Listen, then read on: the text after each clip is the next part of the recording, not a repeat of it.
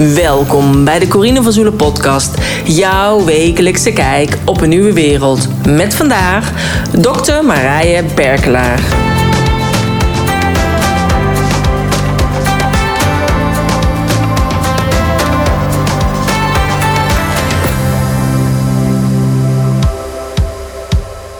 In deze podcast, podcast 232, interview ik dokter Marije Berklaar.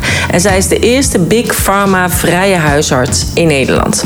En in september 2019 zag ik een Facebook live van haar voorbij komen dat ze als huisarts geen medicijnen meer wilde voorschrijven voor haar patiënten. Ik was helemaal onder de indruk, want ik dacht wat fantastisch dat een arts dit doet. En ik wilde haar heel graag in mijn podcast. Nou, het heeft even geduurd, maar het is dus gelukt. We bespreken haar persoonlijke reis, wat er gebeurde nadat ze dit bekend had gemaakt, wat er gebeurde tijdens de hele coronaperiode, waarin ze zich ook uitsprak, en haar tweejarige verblijf op Ibiza.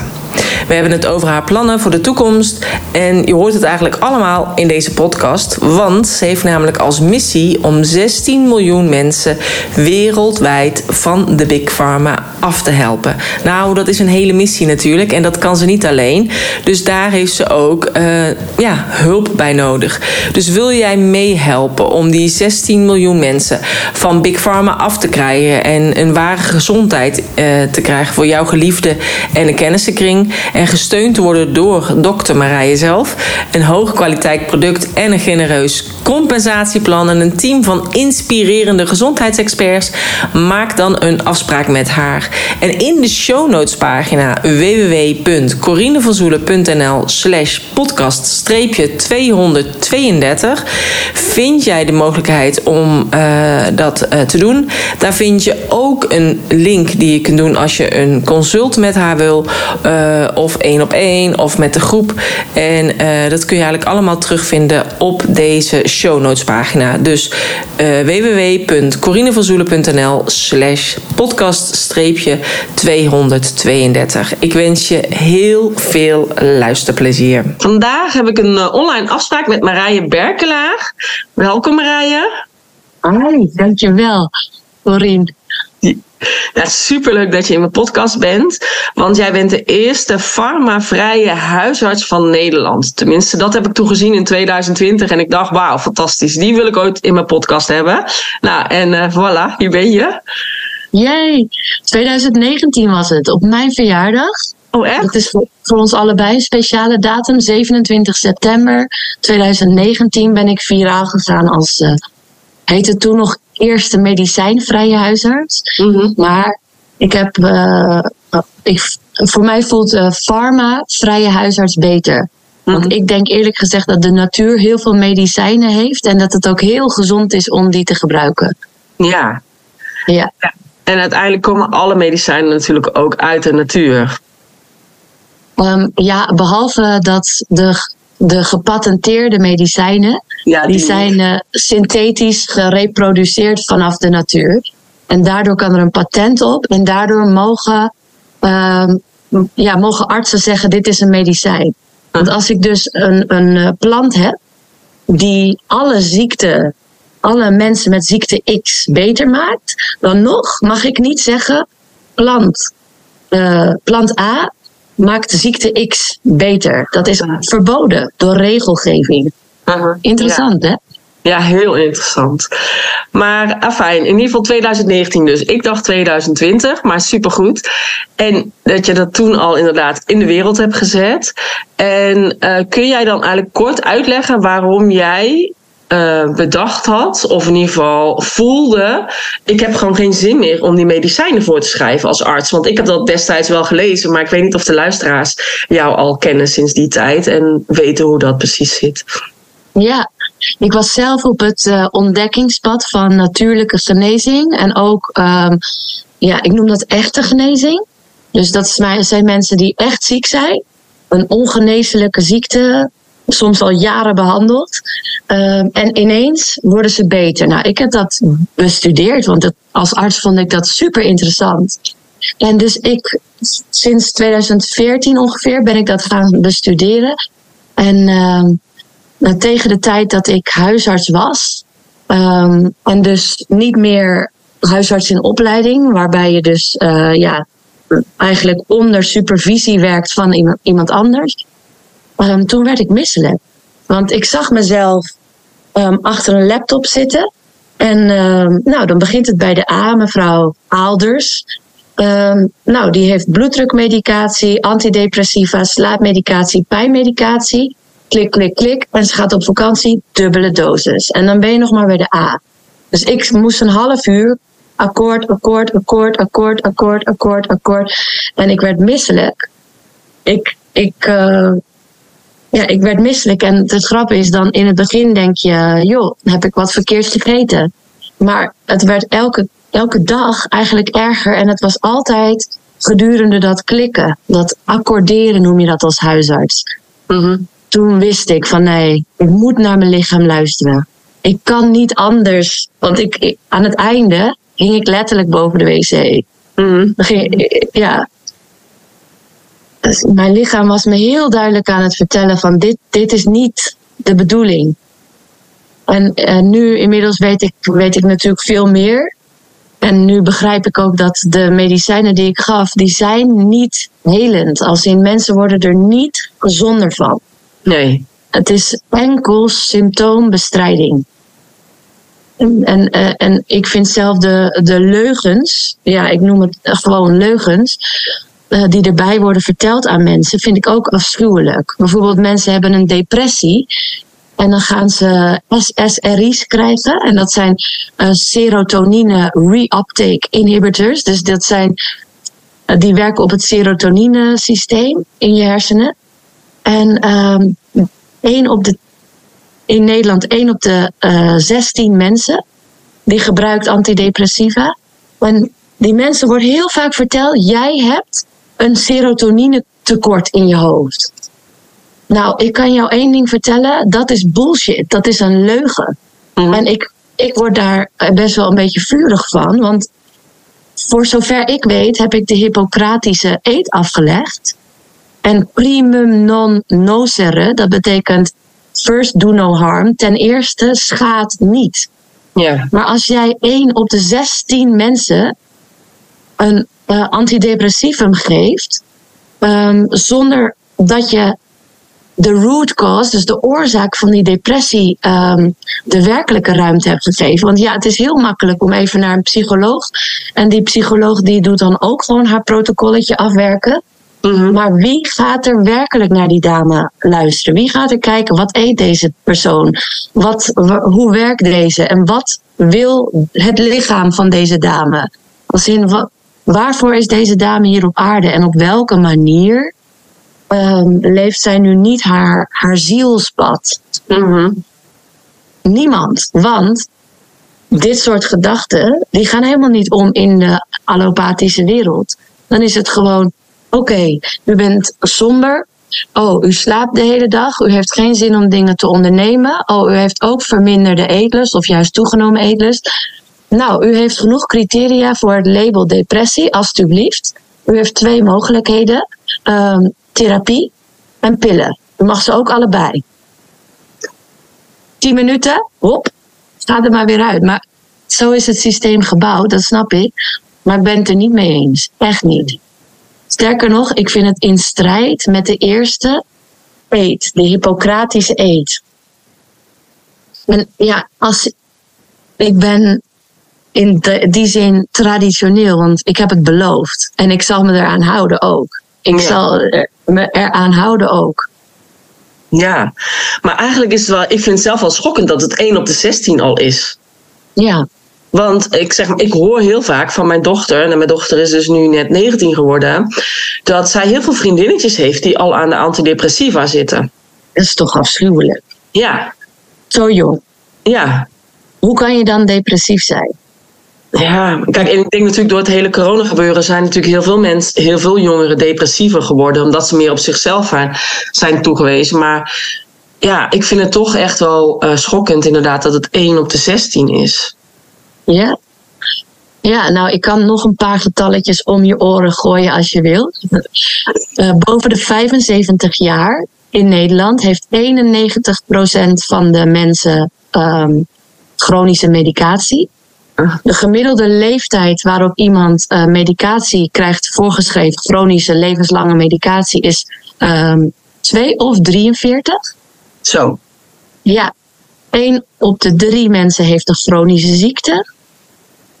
En als je wereldwijd kijkt, dan is medicatie, de gewone voorgeschreven medicatie, is de derde doodsoorzaak. En dat komt na uh, kanker en hart- en vaatziekten. Mm. En als je dan ook nog eens ietsjes dieper gaat kijken van waardoor komt kanker, dan kom je ook nog eens een keer uit dat er uh, allerlei gifstoffen in allerlei producten zitten. Ja. En, die zijn, en die zijn goedgekeurd door de, uh, in het Amerikaans heet het FDA, Food and Drug Authority. En in het Nederlands heet het dan NWA, de Nederlandse Warenautoriteit. Mm. Dus het is, ik vind het zelf heel erg crimineel. Ja. Dat de meeste mensen die kopen gewoon, uh, ja, lekker even een deootje. Ik doe even alsof dit een deootje is. Nou, staat niks op, zal wel goed zijn. Pss, pss, pss. Maar wat je dus elke ochtend onder je oksels smeert, spuit, dat is aluminium. Ja. Ga één keertje een put met je doen, aluminium. Het is al sinds 1940 bekend dat aluminium een toxisch uh, molecuul is. Mm. Vind jij het gek dat één op de zeven vrouwen borstkanker krijgt? Mm. Ik niet, want dit is, dat weten we ook allemaal, dit is de afvoergang van de lymfeklieren van de Ja. borst. Dat is heel zacht, kwetsbaar weefsel. En daar ga je dan elke dag één of twee keer een zwaar metaal onder spuiten. Ja. Dat klopt niet. En dat de mensen niet worden voorgelicht over toxische dingen die, de, mm, die door de Nederlandse warenautoriteit gewoon toegestaan worden, dat is, dat is crimineel. Mm. Ja, daar laat ik het even bij. Helemaal goed. ja. Nou ja, ik, ik, ik vind het, ik wist inderdaad dat het heftig was. En ook dat heel veel mensen eh, overleden aan de medicijn. Ik weet dat één vrouw, die is daar ook heel erg fel op. Die heb ik toen een keer bij Humberto Tan gezien. Dat, daar uiteindelijk was iedereen geschokt over die cijfers. Maar het is ook niet dat daarna er nog aandacht aan besteed wordt. Maar ja, afijn. Maar ja, jij hebt dus uiteindelijk die beslissing genomen. Ik ga dat niet meer voorschrijven. Hoe was dat toen in jouw praktijk dan? Um, nou, ik was toen waarnemend huisarts. Uh, En uh, ik had mezelf net een uh, uh, challenge gegeven, een uitdaging, om elke dag voor twee weken iets op internet te delen, op social media. Want ik was daar heel lang vanaf geweest en ik vond het wel lekker rustig, maar ik heb letterlijk in een retreat heb ik mezelf de vraag gesteld: moet ik dat, moet ik weer op social media of kan ik er gewoon afblijven? Toen heb ik letterlijk in een meditatie um, ja, gekregen van je moet nu op social media gaan delen. Nou, dus ik was daarmee bezig 14 dagen. En dat filmpje wat ik maakte in de huiskamer van mijn uh, buurvrouw, mm-hmm. in de keukenkamer aan de tafel bij mijn buurvrouw, heb ik dat filmpje opgenomen en gedeeld. En um, die avond had ik nachtdienst. En die volgende dag was het 27 september, toen was ik jarig. En gedurende die nachtdienst, toen begon het te gaan. Gedeeld, gedeeld, gedeeld, gedeeld, gekopieerd, comments, comments. En er kwam ineens een storm aan, uh, aan berichtjes. En nou, ik herinner me dat toen, dat, dat ene bericht is 6000 keer gedeeld. En een, een half miljoen keer of zo bekeken in een week of twee. En verder is het toen ook nog vertaald in heel veel talen en uh, op YouTube gezet. En nou, toen hebben er allemaal hele rare mensen hele rare filmpjes over mij gemaakt. En een soort van, als in, dan krijg je haters en trollen ook. Ja. Nou, nou toen, het werd één grote poppenkast, kan ik je vertellen. Maar mijn werk, um, dat kon ik meteen vergeten. Dat was gelijk, oef, ik had nog vijf maanden werk staan. Uh. En uh, elk van de dokters waar ik bij zou werken, die, uh, nou eigenlijk eentje niet in Amsterdam Noord, mijn huisartsopleider uit mijn eerste jaar. Hele leuke huisarts. Dus als je in Amsterdam Noord woont. Um, ik ga je niet vertellen wie, want misschien zijn ze wel uh, vol. Maar er is een hele leuke huisarts in Amsterdam Noord. En um, Nou, daar heb ik dan mijn laatste dagje gedaan. En verder kon ik alleen nog op de huisartsenpost werken. Mhm. Dus ehm, ja, ik heb daar af en toe nog gewerkt. En eh, Ja. toen kwam corona. Ja, En- toen kwam corona. Toen kwam jij ook weer in beeld. Want dat is waar ik jou ook van ken. Ik, ik, herken, ik ken wel het filmpje dat jij inderdaad ging zeggen van... ik ga stoppen met die medicijnen en bla bla bla. Dus dat filmpje heb ik destijds ook gezien. En toen met corona dacht ik, oh wat fijn. Want zij spreekt zich ook uit. En, eh, en ik weet dat jij inderdaad ook verklaringen ging schrijven... voor mensen van, ze hoeven geen mondkapje te dragen. Daarom en daarvoor. En dat je dat ook ging doen samen met andere artsen. En ik weet dat heel veel mensen in mijn omgeving zeiden van ja, maar als het echt niet zo zou zijn, dan zouden artsen dat heus wel zeggen. Ik zeg, die, er zijn ook artsen die het zeggen. Alleen, die worden gewoon de mond gesnoerd. Dus zodat een ander arts het echt ook niet durft. ja. ja, dat klopt helemaal wat je zegt. Ja. Maar is het ook zo dat bijvoorbeeld. eh, kijk, want wij hebben maar één huisarts hier in Lelystad. Die heeft gezegd: Ik ga niet het vaccin nemen. Hè? Dus, en die heeft natuurlijk ook iedereen over zich heen gekregen uit het hele land. En stond ook in de krant. Eh, nou ja, zijn praktijk zit vol, kon er niet meer heen. Maar bedoel, mijn eigen huisarts is echt stellig van overtuigd dat het virus bestaat. Is het dus echt zo dat die artsen dat dus echt geloven? Of is het dat ze gewoon niet meer terug kunnen of zo? Wat denk jij? Kijk, ehm, mm, nou, als je heel goed. Ik, ik vind het een leuke vraag. Het is ook een, een, een hele ge- gelaagde vraag. Maar als je heel goed kijkt naar wat is een virus. Een virus is een envelopje van een membraan met daarin DNA. Dat is een virus. Er zijn miljarden, miljoenen, miljoen, ongelooflijk veel virussen. En ik, eh, ik heb hier duizend virussen, ik heb hier duizend virussen, net als bacteriën, heel veel. We weten niet zeker hoe een virus werkt. We weten niet zeker of een virus mensen ziek maakt. Ehm, maar dat zou kunnen en dat is de manier waarop we het geloven. Ehm, corona, het virus, als in het envelopje met het specifieke DNA-materiaal, dat is nooit geïsoleerd. Dus in die zin kun je niet spreken over het bestaat. Ehm, wat wel zo is, is natuurlijk, we hebben met elkaar, met z'n allen, met de hele gemeenschap, hebben we iets doorgemaakt. Er zijn mensen ziek geworden en het, eh, ehm, het leek op een griep. En dan waren er nog een paar kleine dingetjes anders. En dan was er ook nog een bepaalde groep die daar dan erg eh, eh, ziek van werd. En dan was er ook een hele grote groep die er eigenlijk geen last van had. En eh, voor sommigen was het een één dag heel, heel vervelend ziek zijn in bed. En dan de volgende dag even drie dagen niks ruiken en dat was het. Ja, Ehm, hè, maar zoals je weet, er zijn ook mensen overleden aan hetgene wat we corona noemen. Maar ja, waarom die artsen. De, de vraag is: ja, bestaat het? Je kan daar alle antwoorden op geven. Dus alles tussen helemaal nee en helemaal ja is waar. En eh, hoe zo'n arts dat dan. ehm, kijk, je moet je voorstellen: een arts heeft de, heeft de geneeskundeopleiding gedaan. Daarbij heeft diegene allemaal andere geneeskunde studenten om zich heen. Die wordt allemaal hetzelfde verteld.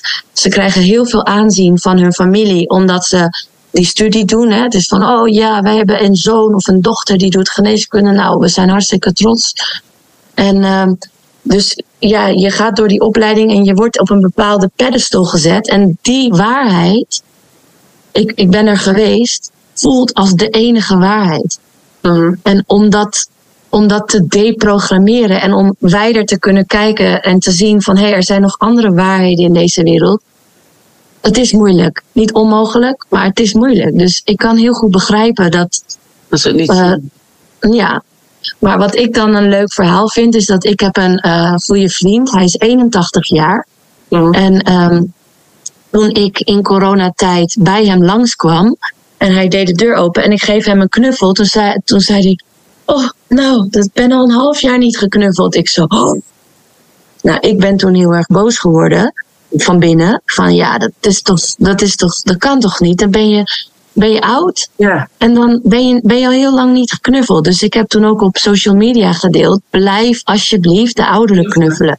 Vooral die mensen die in verpleeghuizen een eenzame dood aan het sterven zijn. Ja. Je voorstelt dat je een heel leven hebt gehad en je hebt kinderen en kleinkinderen, je hebt geliefden. En door een onzichtbare nonsensregels, want ik ben niet ziek, jij bent niet ziek, mag je elkaar niet aanraken. Mag je niet bij. Nou, dat, dat is de meest afschuwelijke dood die er is. Ik word daar boos van. Ik heb onderzoek, wetenschappelijk onderzoek gedaan ook. Um, als in research. Het is honderdduizenden keren, ook met afschuwelijke experimenten onderzocht, dat aanraking gezond is en nodig is voor je ontwikkeling als mens. Het is een levensbehoefte, hè? Ja, het is gewoon belangrijker dan eten. Ja. En dat je dat, dat, je dat uh, nou ja, ik heb toen ook de overheid op mijn dak gekregen. Dus die hebben ook gezegd: uh, Marije, als je dit blijft adviseren, dan gaan we een tuchtzaak tegen je openen. En dan kunnen we je uit je ambt zetten. Of althans met het idee om je uit je ambt te zetten. Nou. Nou, maar even kijken, waar was het begin van het verhaal? Want ik raak helemaal opdreef. um, Ja, nou, over die artsen. Ja, ik denk als zij inderdaad, dat is hun basis, is natuurlijk die studie, de mensen om hun heen, die er allemaal zo in staan. Dus dan zou in één keer de hele basis onder hun voeten weggehaald worden als oh, ze erachter komen dat het uh, eigenlijk één grote leugen is.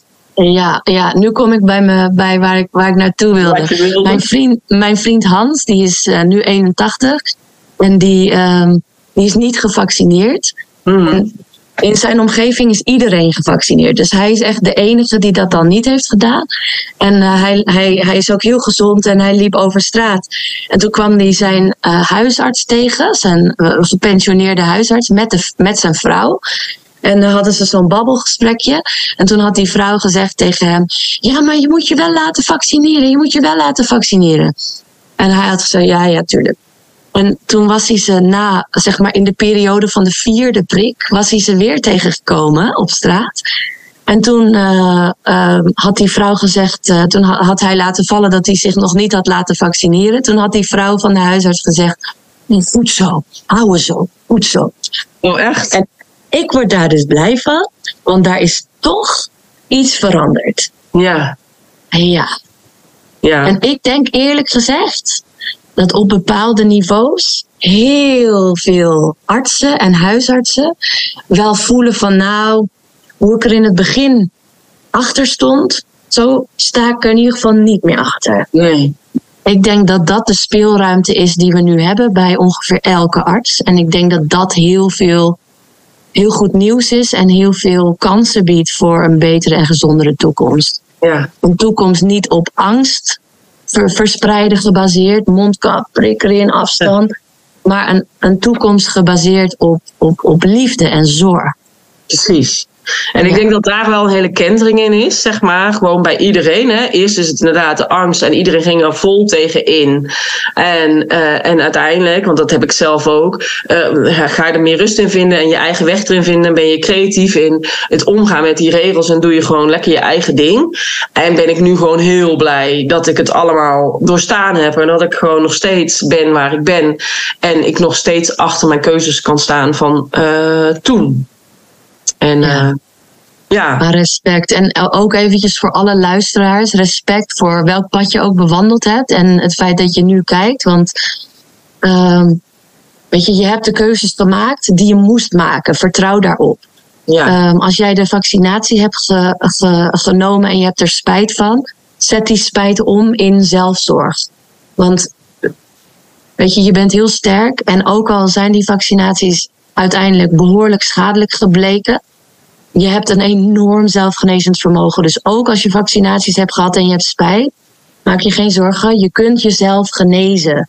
Oké? Okay? Mm. Je kunt ja, jezelf ook op dat moment heb je de keuze gemaakt waarvan je op dat moment dacht dat het de juiste was. Hè? Dat is hetzelfde als met het Rijksvaccinatieprogramma. Kijk, ik heb mijn kinderen ook al die vaccinaties gegeven. En ik twijfelde toen bij de eerste met mijn zoon. Heb ik gesprek aangevraagd met de huisarts. Omdat er gewoon geen goede sites waren om dat te bekijken.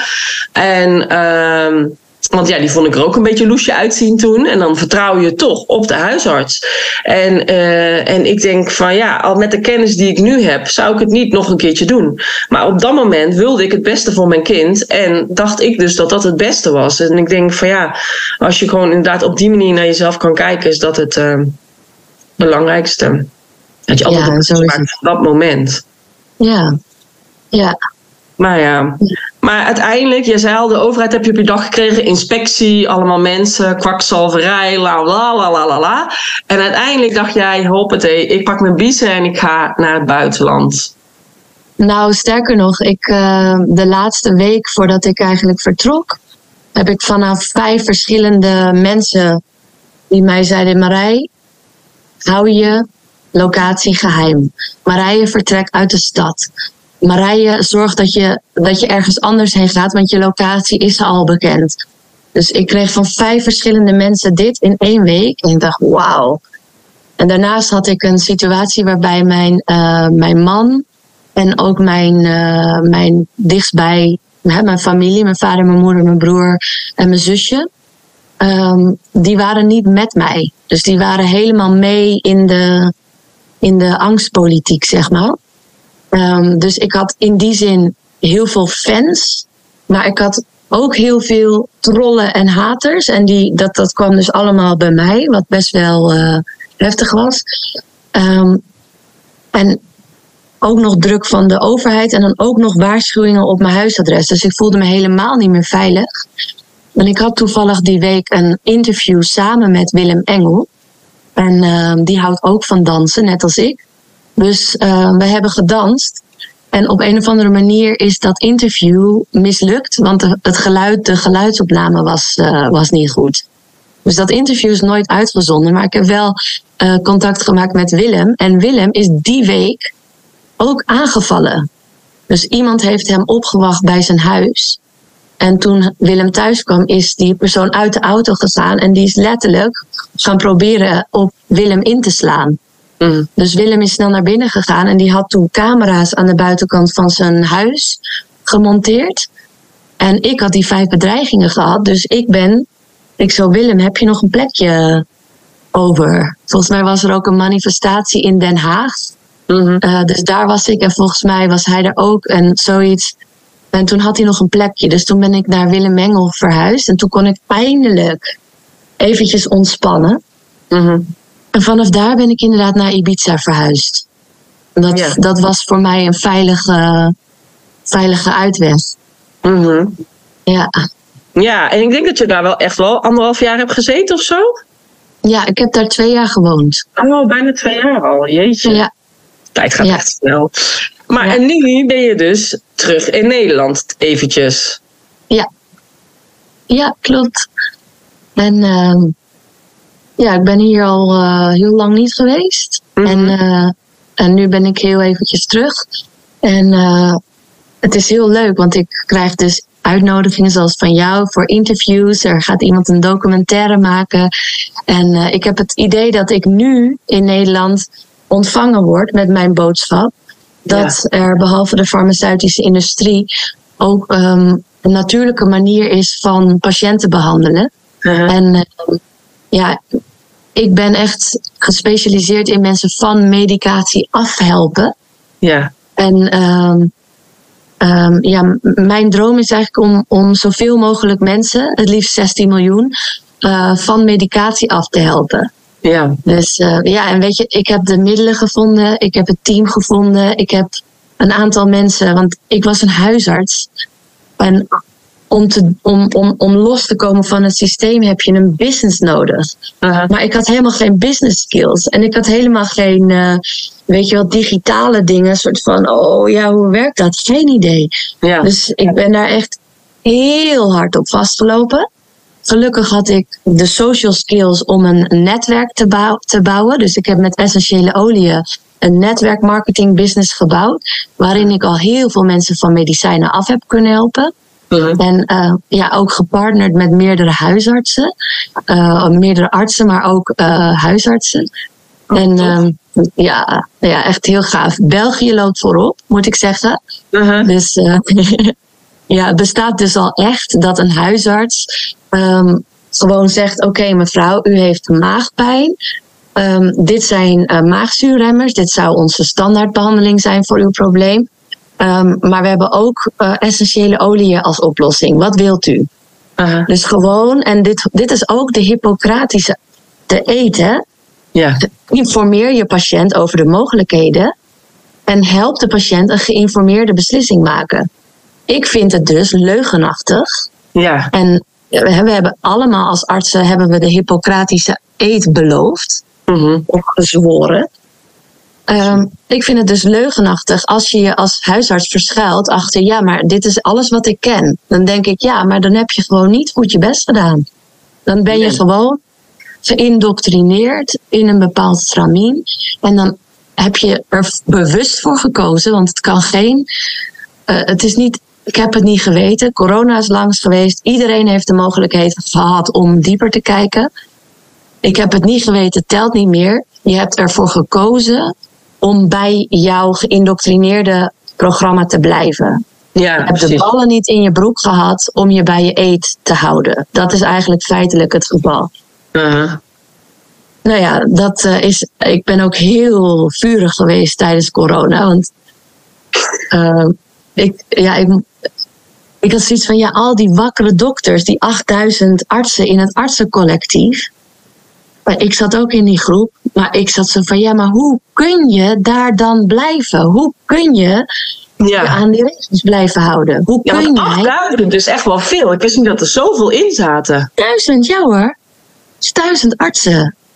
8000 artsen. En er bestaan in Nederland 12.000 huisartsen. Dus dit is twee derde aan, aan aantal. Eh, zeg maar twee derde van de populatie huisartsen, maar dan Ja. in alle specialismen Ja. en niet-specialismen verspreid. Maar dan is dat toch we- wel heel veel, vind ik. Want ik weet natuurlijk niet hoeveel andere specialistische artsen er zijn. Maar eh, Ja, dat is verschrikkelijk veel. ja, Maar alleen omdat de NOS hun camera niet op een van deze artsen heeft gezet, of met een eerlijke, Mhm. eh, een onafhankelijke arts, laat ik het zo zeggen, een vrije arts. Dat vond ik ook zoiets, dat elke arts die op tv of radio kwam, die zegt, ja, ik spreek op mijn eigen, wat zeiden ze nou? Mijn eigen verantwoording. Ik zo, ja, maar je spreekt toch altijd op je eigen Ja. verantwoording? nee, ik onder eigen naam toch? Dan, eh, Onder, ja, maar dat Ja. is toch altijd? Ik weet Ja. niet wanneer spreek ik op iemand anders naam. nou ja, ik dan zal kunnen ze niet aangesproken waren onder eigen titel of zo. Ja, ik weet ook even niet meer wat je bedoelt. Ja, maar, precies. eh, Ik dat dacht, ook jongens, bijvoorbeeld op dat is- LinkedIn. Dat schreef ze ook onder eigen titel. Maar ik denk, dan kunnen ze niet aangevallen worden op, hun- op hun artsgebeuren of zo. Ik weet het niet. Maar ik denk, Ik denk ja, dat het een angstzet is. ja. Ik denk Oh, dat ik vind het wel positief om te horen dat het zoveel waren. Ik dacht namelijk dat het er maar 400 of zo waren, of 800, zoiets. Vond ik al veel. Maar wat je dus hoorde is van toen die prikken uitgerold werden. ehm, nou, dan hoorde ik bijvoorbeeld, oh, in mijn praktijk hebben twee dames van 45 jaar op hetzelfde moment alvleesklierkanker ge- gekregen. Oh, in mijn praktijk hebben nu eh, vijf mensen onder de 50 ineens een, eh, een, een, een, een, een hart- of een herseninfarct gehad. En Ja. in die groep kon je dat gewoon zien. En ik kon dus niet begrijpen dat je dan als arts alsnog ja, gewoon niet ongeveer schreeuwend, schreeuwend over de straat rent Ja, als je dit ziet.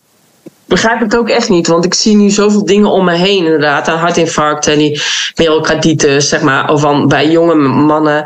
Ik zit natuurlijk zelf in een, eh, in, in, eh, in, een, in een soort van Facebookgroep met jonge weduwen. En het is echt eh, heel heftig wat ik zie. Omdat er heel veel vrouwen zijn die hun man echt op jonge leeftijd verliezen met jonge kinderen. Mannen van 36, 39 die bijvoorbeeld dood in de badkamer liggen ineens. Terwijl zij Ja. gewoon beneden zitten te wachten van waar blijft hij nou? Ja. En, eh, en dan, ja, ik wil niet zeggen dat het aan die spuit ligt. Ik bedoel, ik durf niet te vragen, heeft hij de spuit gehad? Want ja, ik ken die mensen helemaal niet. Maar ik bedoel, aan men, mij vroegen ze wel van, oh, hij heeft zeker die spuit niet genomen. Hè? Vandaar dat hij natuurlijk nu op de IC ligt. Dus dat mm, werd wel aan mij gevraagd. Maar ja, ik vind het wel echt schokkend. En ook eh, een, een jonge jongen die ik ken, die een soort van herseninfarct heeft gehad. En hij is nog maar 16. En ze zijn nu aan het onderzoeken wat het Ja. zou kunnen zijn. Nou, ik denk van ja, ik, ik kan wel raden wat het is. Maar ik, Maar dat ja, weten we toch al lang. ja, maar ja, het is Ja. wel. Nou, ik, dat eh, die artsen dan dus toch nog zeggen: we gaan het onderzoeken. Dan denk ik van ja. Ja. Ehm, ik heb aan het, heel erg aan het begin, toen er nog geen vaccinaties waren, toen heb ik te horen gekregen over ehm, whistleblowers. Van uh, dus bellenluiders, of hoe heet het, klokkenluiders. Ja, klopt. Van uh, GSK, GlaxoSmithKline en Pfizer. En die um, weigerden verder uh, mee te doen met het onderzoek, omdat Mhm. uh, bij volgens mij de dierenstudies 40% van de vrouwtjes niet meer vruchtbaar was. Mhm. Uh, dus verminderd vruchtbaar werd. zoiets was het, was het wat, wat deze klokkenluiders dan naar buiten brachten. En ik heb direct een filmpje gemaakt op Facebook. Lieve, lieve artsen en met name huisartsen. Straks komt de prik. En jullie worden de uitvoerders. Jullie worden degene die dit de, jullie eigen patiënten moeten toedienen. Jullie zijn, worden beschouwd als gezondheidsprofessionals. Ik wil je alsjeblieft vragen om even bij jezelf te raden te gaan of dit is hoe jij de geschiedenis in wilt gaan. Mhm. Luister alsjeblieft naar je buik, je onderbuikgevoel, als ik dit je vraag. En uh, wees bewust dat jij straks op die plek wordt gezet. En dat dit straks uit jouw handen komt. He, jij gaat straks uit jouw handen uh, mensen aanraden, doe die prik. Ja. Ja. Um, ja, dat werd natuurlijk flink belachelijk gemaakt. ja, dus uh, ik weet niet of het nog terug te vinden is ergens. Maar in die tijd zal het, als het goed is, uh, te vinden zijn. Maar ja. Ja, en hopelijk hebben de juiste mensen het gezien en hebben zij daarna gehandeld. En dat is het enige wat je op dat moment ook um, kon doen, denk ik. Ja, ja. Maar ja, in ieder geval, je bent nu dus even tijdelijk in Nederland. Je gaat gewoon rondtrekken. Je, je leeft zonder vaste woonplek, zei je. En ja. wat is, zeg maar, voor nu je plan voor de toekomst, voor die nieuwere wereld? Hoe zie jij die voor je dan? Oh, dat vind ik een leuke vraag. Nou ja, ik um, heb van meerdere bronnen begrepen dat als er wereldwijd um, twee dingen ophouden te bestaan of verminderen in kracht, dat zijn de, de wapenhandel en de uh, farmaceutische industrie. Dat zijn nu de twee grootste businessen op deze planeet. Wanneer die twee businessen um, weg zijn, dan wordt dus de plantmedicijn, en dat bestaat in alle vormen, dat wordt de grootste business op deze planeet. Dus dat wordt ja, de aller, allergrootste business. En um, ik doe essentiële oliën. En het grappige is dat essentiële oliën al 3.500 jaar gebruikt worden als medicijnen. Mm. En dat ook onze Hippocrates uh, essentiële oliën gebruikte als medicijnen. En dat het begin van de farmaceutische industrie is begonnen met het bedrijf Standard Oils. Mm-hmm. En dat was van meneer Rockefeller. En die was heel erg goed in het monopoliseren van business. En hij had de, de olieindustrie ge, gemonopoliseerd. Dus zeg maar, als er nog een concurrent was, hij had zoveel. Dan maakte hij gewoon in dat gebied de prijs zo laag. Dat die concurrent failliet ging, dan kocht hij ze over en dan had hij alles. Uh-huh. Dus dat heeft hij met de hele olieindustrie gedaan toen kwamen ze erachter dat van die olie derivaten, uh-huh. petroleum bijvoorbeeld, um, hoe heet dat? Die zalf? Vaseline. Vaseline, ja, dat is ook een, een petroleumproduct. Um, dat dat gebruikt kon worden voor als medicijnen. Vervolgens is regelgeving toegepast ook gesponsord door uh, Standard Oils. En dat is dat er niet meer in de medische opleiding en ook niet meer in wetenschappelijk onderzoek gesproken mag worden over um, planten, dus niet gepatenteerde, niet synthetische uh, producten, als medicijnen. Dus het is helemaal uit de, de geneeskunde uh, verwijderd. Helemaal control delete. En in onderzoek mochten ze, en onderzoek en in het publiek mochten planten niet meer um, medicijnen genoemd worden. En ook, bijvoorbeeld, dat geldt nu nog steeds. Als ik een plant heb die 100% dus van de, van de ziektes geneest. Mhm. Bijvoorbeeld peppermint. Ik vind het fijn om het te gebruiken bij hoofdpijn, bij buikpijn. Het staat ook in de huisartsenstandaard bij prikkelbare darmsyndroom. Mhm. Kijk maar eventjes na als jij een huisarts bent en je kijkt dit toevallig. Ehm, pepermuntolie is zo goed als wetenschappelijk bewezen bij eh, eh, irritable bowel syndroom. Maar ik mag niet zeggen, publiekelijk, dus ik zeg dit nu niet, medicijn X helpt bij ziekte Y. Als ik dat zeg, dan krijgt dit bedrijf, ehm, die krijgt een hele grote, dikke, vette boete. Ja. Ook al ben ik arts, ook al is het wetenschappelijk bewezen, ook al staat het in de huisartsenstandaard. Mhm. Klopt daar iets niet of klopt daar iets niet? Nou, dat is dus precies wat er gaande is in de wereld. Regelgeving is gesaboteerd. Ja. Ja, Nou ja, en ik denk wel dat steeds meer mensen er nu achter komen dat dat gebeurd is. Dus Ja. wat dat betreft is er een hele kentering eh, gaande en komt er steeds meer dingen naar boven. Ook vanuit onze geschiedenis, zoals het ons geleerd is. Wat uiteindelijk ook eh, achteraf blijkt dat het gewoon niet klopt. ja. Dus En het mooie is nu van, ehm, ik was toen eerste medicijnvrije huisarts, dus de eerste big pharma vrije huisarts. Ehm, en toen was er eigenlijk heel weinig ruimte voor. En ik denk dat corona heeft toch wel heel veel mensen ja, wat, wat doen inzien. Echt heel veel mensen. En het zou zomaar kunnen dat ik nu gewoon groter terug kan komen. En dat er ook meer huisartsen de ballen misschien wel in de broek hebben om te kijken van wat kan ik mijn patiënt voor keuze geven. ja, Want eerlijk gezegd is dat het enige wat, wat eerlijk is. Ook nadat je de belofte hebt gedaan als arts. ja. En, nou ja, en- ik vind het al heel. Ik, ik zie het gebeuren. Ja, nee, ik ook. Ik vind het al heel positief om te horen dat de artsen nu al die twee verschillende dingen aanbieden. Zo van hier heb je inderdaad, wat jij zegt, voor, eh, voor je medicijnen voor je maag. Of inderdaad eh, essentiële olie eh, die je kan gebruiken. Dus dat Ja. vind ik echt al super positief. En je hebt altijd mensen die voorop lopen. En je hebt altijd de eerste volgers. En je hebt daarna de grote meuten. En nou ja, jij, ik weet niet of jij in de rest van je leven dat ook heel vaak hebt gehad. Dat jij als eerste ergens voorop liep. Eh, Altijd. Ja. Dus ik zeg altijd, ik loop anderhalf jaar voor. ja, nou ja, ik heb dat ook. Dat ik inderdaad dingen doe en dan vinden mensen het stom. En dan daarna dan denken ze, oh, misschien had ze toch wel gelijk. Maar dan heeft het wel al heel, is er al heel veel gedoe geweest en al heel veel weerstand van alles en iedereen om me heen. Maar voel ik wel van ja, dit is mijn weg. En ga ik dus ook gewoon niet weg. En daarna volgt de rest eigenlijk altijd. Dus ehm, Ja. ja. Nou ja, voor de, voor de mensen thuis eh, het is heel makkelijk. Wil jij business partner worden, dus eh, hou je ook van gezondheid en wil je daar ook geld mee verdienen, dan heb ik een paar business opportunity zooms.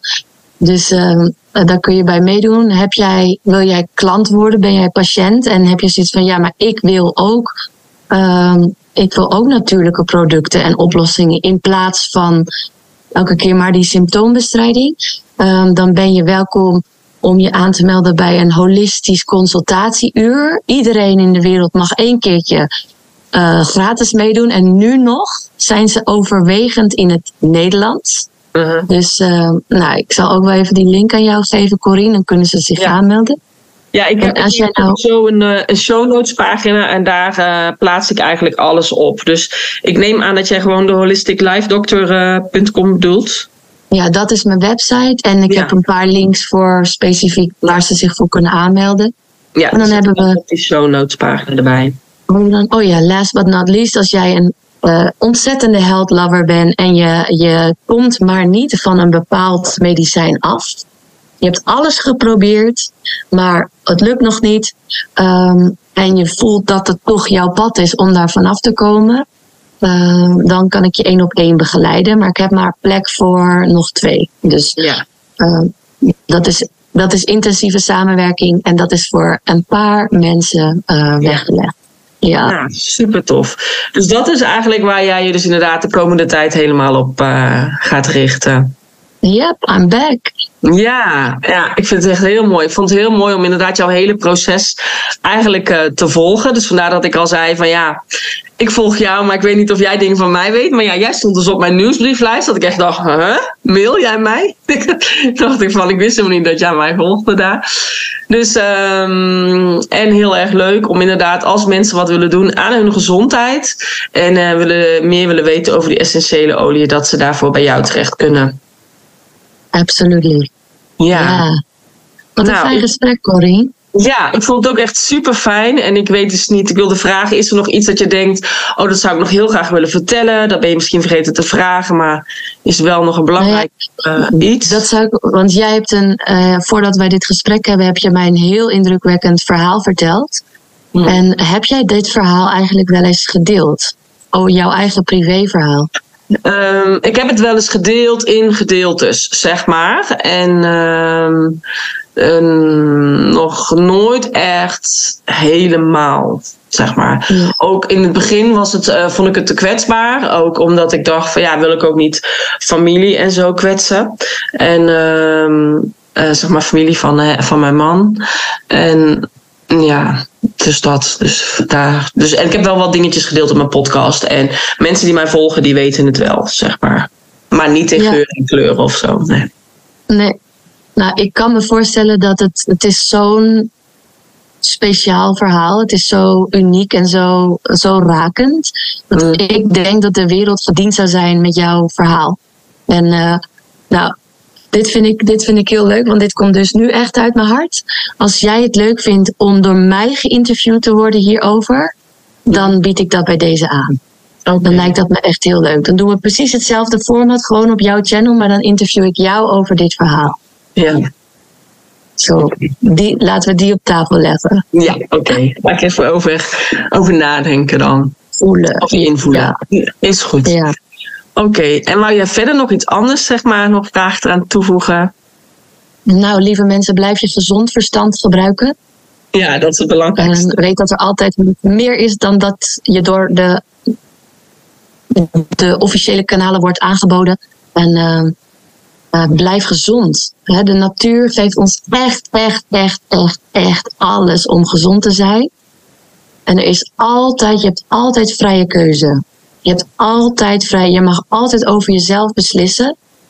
Ehm, dus waar je ook bent, of je ziek bent of niet, of je medicijnen aangeraad krijgt of niet. ehm, over alle. Dit is de nummer één regel van het universum en dat is de regel van vrije keuze. Mhm. Dus ehm, die wil ik je nog een keer teruggeven. Je hebt de vrije keuze. Ja, nou supermooi.